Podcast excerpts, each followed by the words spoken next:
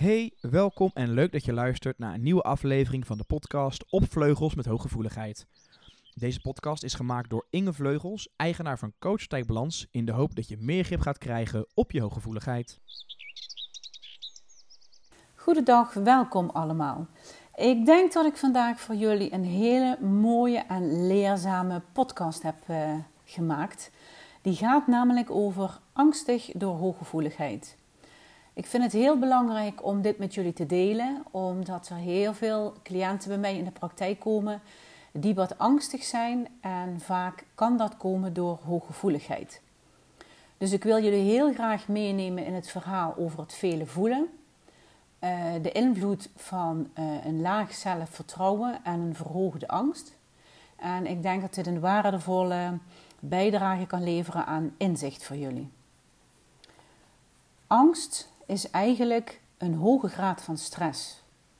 We kunnen ons allemaal voorstellen dat je lichaam en je geest heel vaak stress ervaart. En dat kan zijn door de gewone dagelijkse dingen, um, zoals de uh, dingen op je werk, um, in je relatie, het opvoeden van de kinderen. Uh, misschien nu rond de feestdagen met alle dingen die je moet doen. Dat kan onrust geven, maar dat is eigenlijk een normale stress. En normaal gesproken kunnen we dit best goed aan en kunnen we dat ook allemaal best goed handelen. Maar op het moment dat de stress langdurig is en de stress is te hoog, dat is eigenlijk niet goed voor je lichaam. En je kunt je voorstellen dat je dan uh, klachten kan ontwikkelen, dat je onrust ontwikkelt, dat je slechter gaat slapen, dat je wat nerveus uh, je voelt. En dat is natuurlijk geen fijne beleving. En het is wel een normale reactie van je lichaam, maar op het moment dat de stress chronisch wordt, dus langdurig duurt en in verhoogde staat is, dan kan het zo zijn dat er uh, angstklachten naar boven komen. En dit is eigenlijk iets wat ik bij heel veel cliënten hoor die hooggevoelig zijn. Angst zorgt ervoor dat je uit balans raakt, dat je zelfvertrouwen naar beneden gaat, dat je je onrustig voelt, uh, en hoe meer angst je ervaart, uh, hoe meer je eigenlijk uitgeput raakt. Want je kunt je voorstellen dat um, je zelfvertrouwen gaat wankelen. Op het moment dat jij je angstig voelt, ben je niet in balans. Veel mensen die hooggevoelig zijn, hebben in eerste instantie een verlaagd zelfbeeld. En dat geeft vaak onrust in je lijf en in je hoofd. Het komt ook regelmatig voor dat er paniekklachten naar boven komen, hyperventilatieklachten. En soms ontwikkelt het gericht in een angststoornis. En dat kan natuurlijk niet de bedoeling zijn. Het is niet goed voor je zenuwstelsel. Inmiddels weten we dat ons zenuwstelsel um, ja, in hoge paraatheid eigenlijk is bij hooggevoeligheid. Het werkt intenser, het werkt dieper. En het zenuwstelsel is gewoon 24/7 bij ons aan. En op het moment dat je wordt uh, uitgedaagd, dat je stress ervaart, ben je vatbaarder voor angst. En dat is natuurlijk niet handig. Hoe meer um, mentale en fysieke klachten je opbouwt, dat kan door stress komen, door angst, door laag zelfbeeld, hoe minder je weerstand wordt. En als je weerstand minder wordt, zowel mentaal als fysiek, betekent het vaak ook dat je zelfvertrouwen verlaagd is en dat kan dan resulteren in angst- en paniekklachten. Ook controleverlies betekent eigenlijk angst. Heel graag wil je uh, de controle houden over wat je denkt en over wat je voelt. En over de gebeurtenissen in je hoofd en in je hart en in de wereld om je heen.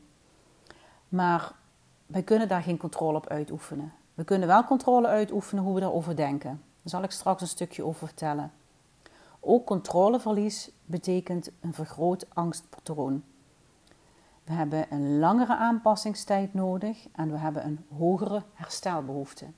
En op het moment dat je er niet goed de balans in hebt, kan dat resulteren in klachten.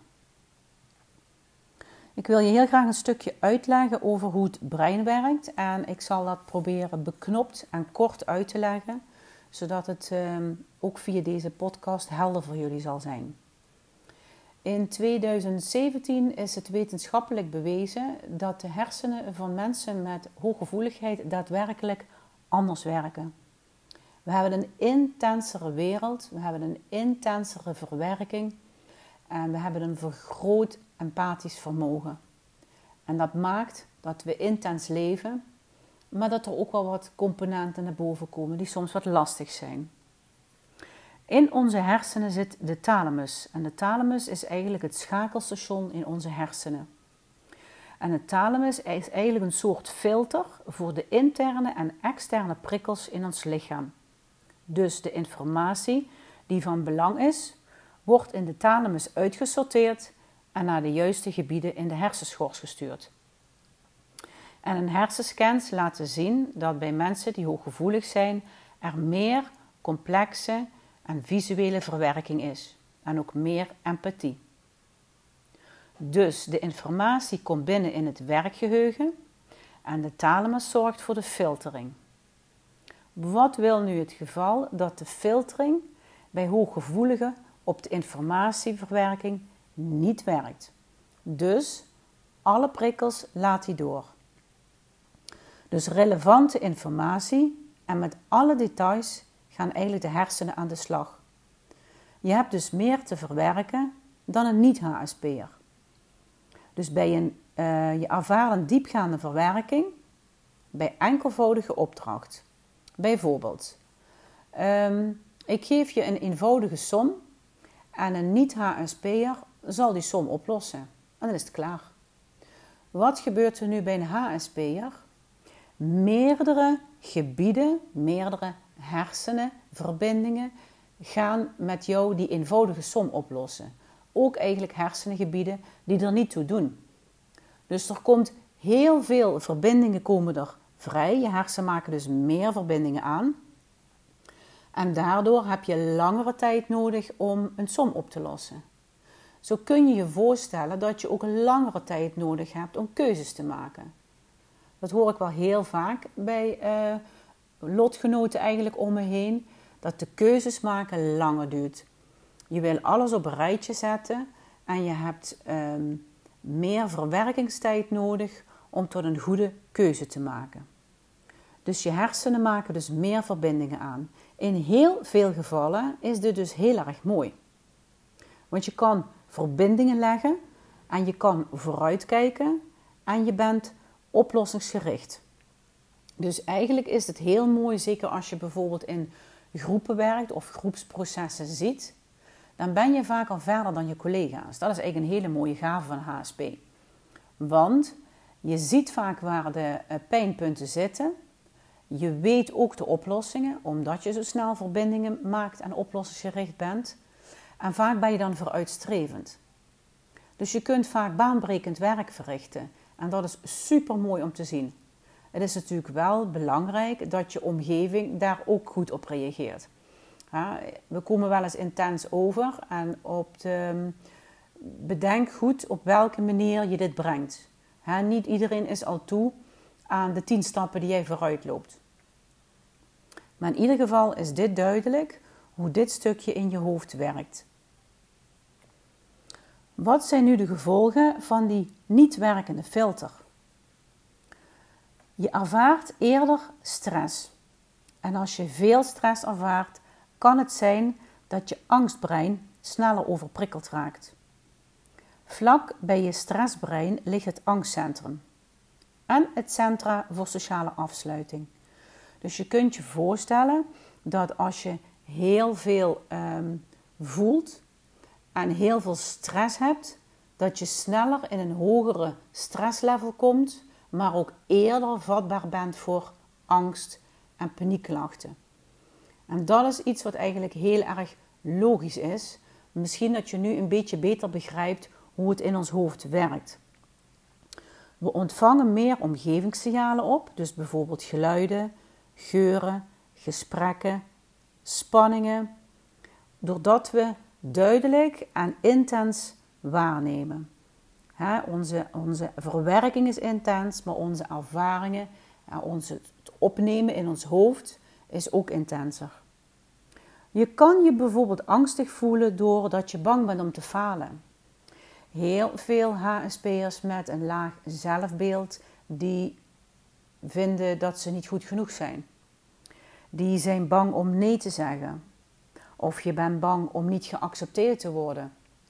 Omdat je anders bent of je anders voelt. Ik kan je vertellen dat ik dat in het begin ook wel lastig vind. En eigenlijk wil je aan iedereen uitdragen dat je hooggevoelig bent.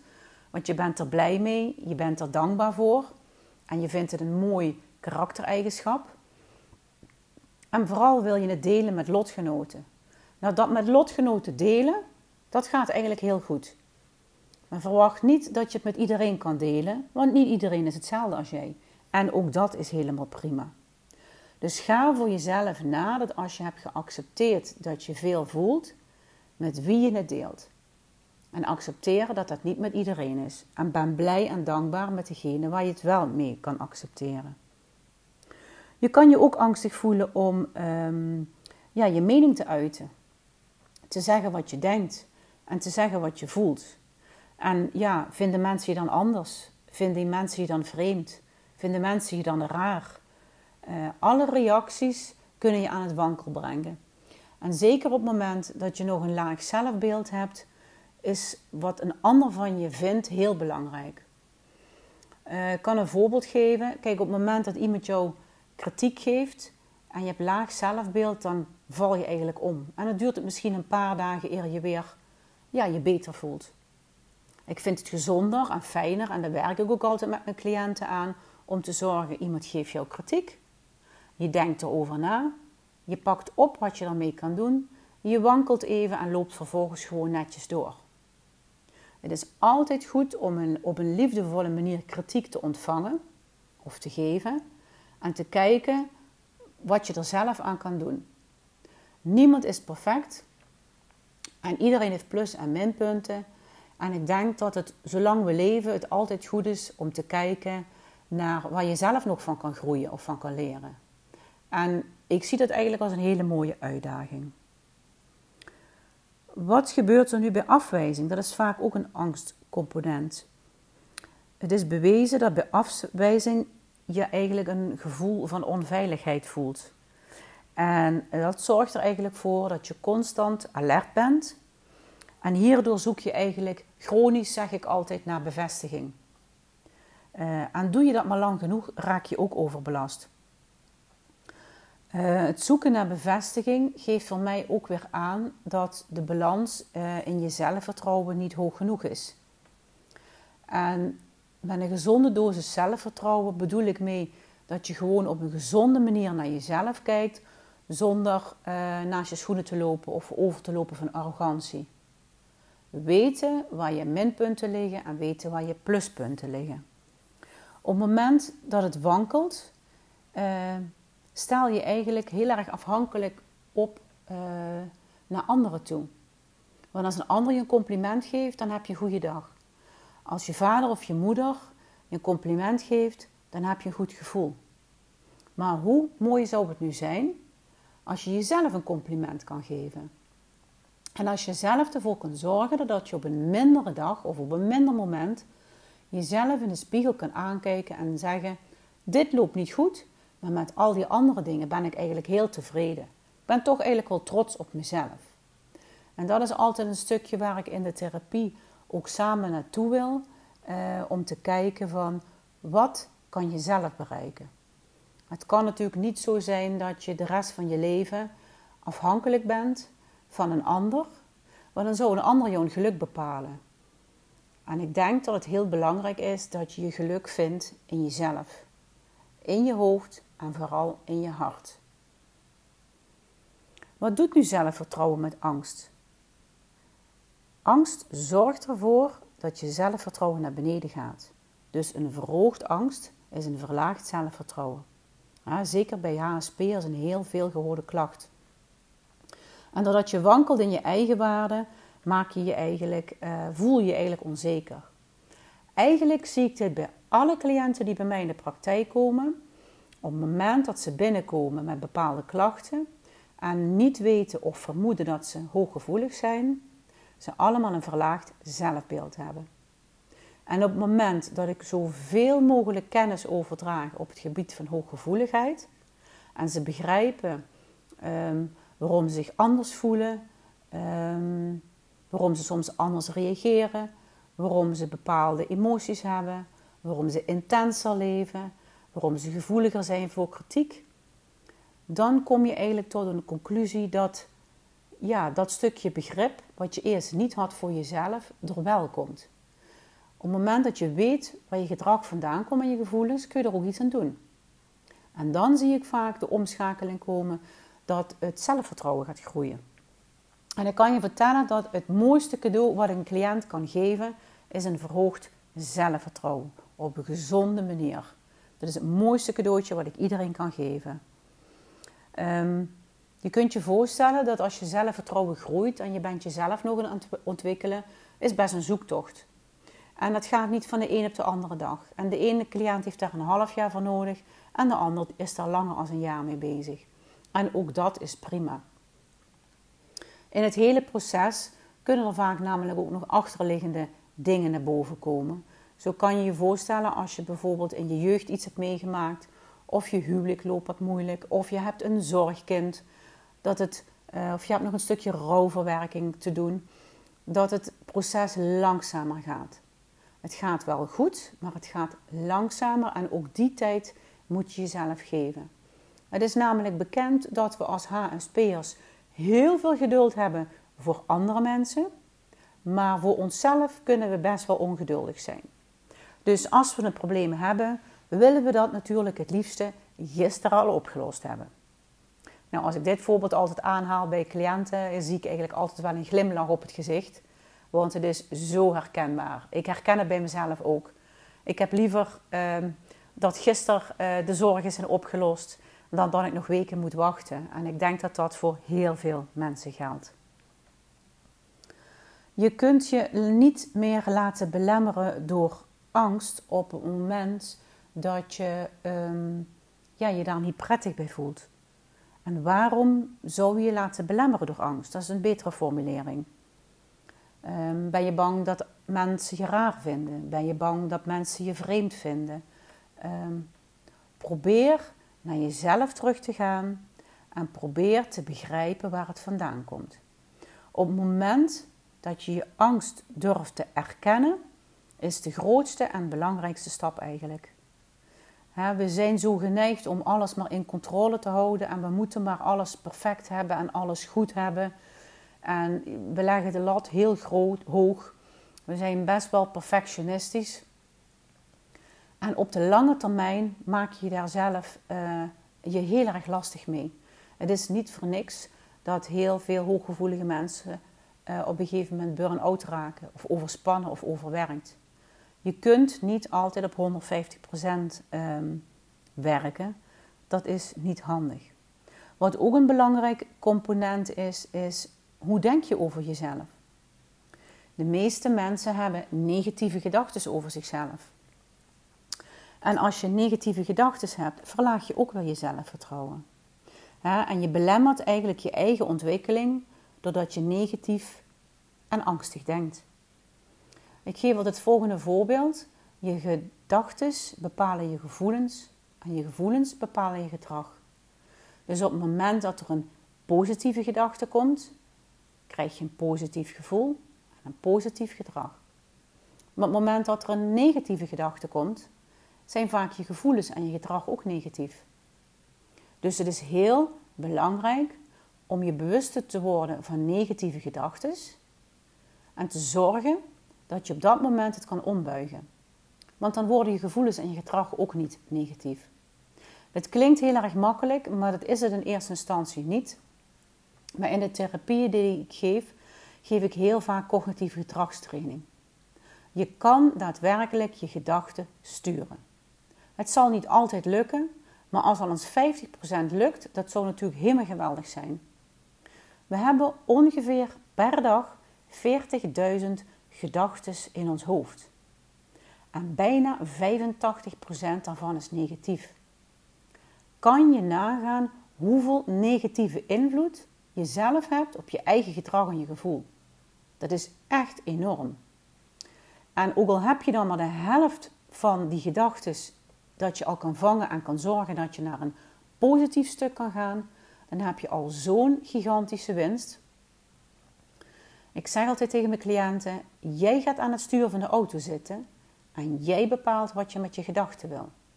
Dus op het moment dat je je sterker voelt en je comfortabeler voelt, je zelfvertrouwen groeit, je angst verlaagt, krijg je ook meer regie over je gedachten.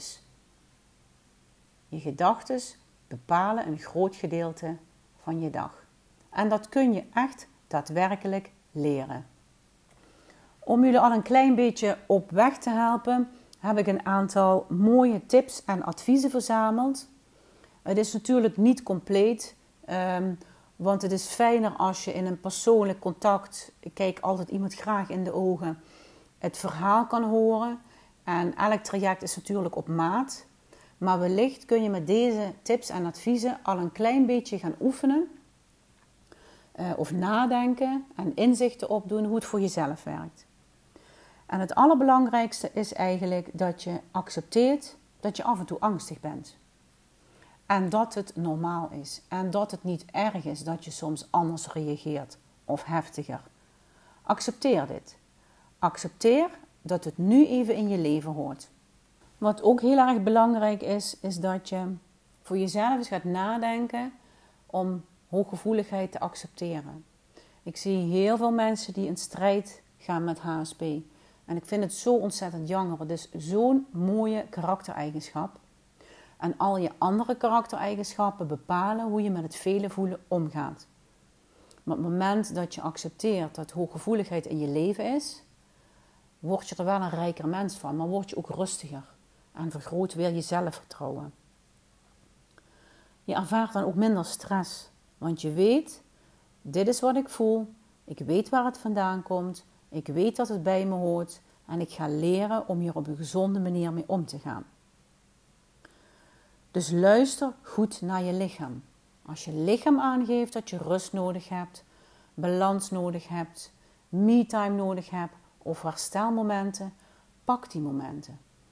En zorg dat het goed voor je werkt. Zorg dat het je goed doet. Wat ook heel belangrijk is, is dat je mooie afschermoefeningen doet.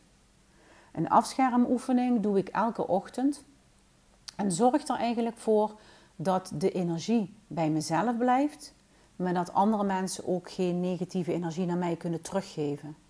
Dus ik blijf mooi in balans en er is geen sprake van energieoverdracht. In een andere podcast uh, leg ik je wat afschermoefeningen uit. Stel je grenzen.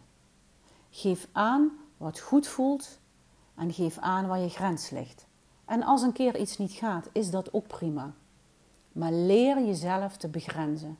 Dat is echt een gouden tip.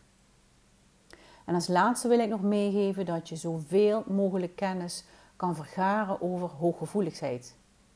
Hoe meer kennis je hebt, hoe meer inzichten, hoe beter je jezelf begrijpt. Hoe beter je jezelf kan helpen. En dat is toch eigenlijk het allerbelangrijkste. Belangrijkste is dat je nu begrijpt waar een verlaagd zelfbeeld vandaan komt, wat de gevolgen zijn op je stressbrein en je angsten en hoe het werkt in een hooggevoelig brein. Dat is eigenlijk wat ik in deze podcast naar boven heb willen brengen. Ik wil heel graag alle kennis op het gebied van zelfvertrouwen en hooggevoeligheid de wereld inslingeren. En daarom is het zo belangrijk ehm, ja, dat ik met deze podcast meer mensen in de wereld kan helpen door begrip te krijgen en door te leren en te accepteren dat hooggevoeligheid in je leven hoort. En natuurlijk zijn er altijd plussen en minnen bij het vele voelen. Maar ik hoop dat jullie ooit zo ver komen als mij en dan eigenlijk uh, hooggevoeligheid omarmen en dankbaar zijn dat je het hebt en het zien als een hele mooie karaktereigenschap en een verrijking van je leven. Ik hoop dat jullie veel kennis hebben opgedaan met deze podcast en wellicht tot een volgende keer. Hopelijk heb je wat gehad aan deze podcast. Wil je nou altijd op de hoogte blijven? Vergeet dan niet deze podcast te volgen en te liken. En voor meer informatie kun je terecht op coachpartijbalans.nl.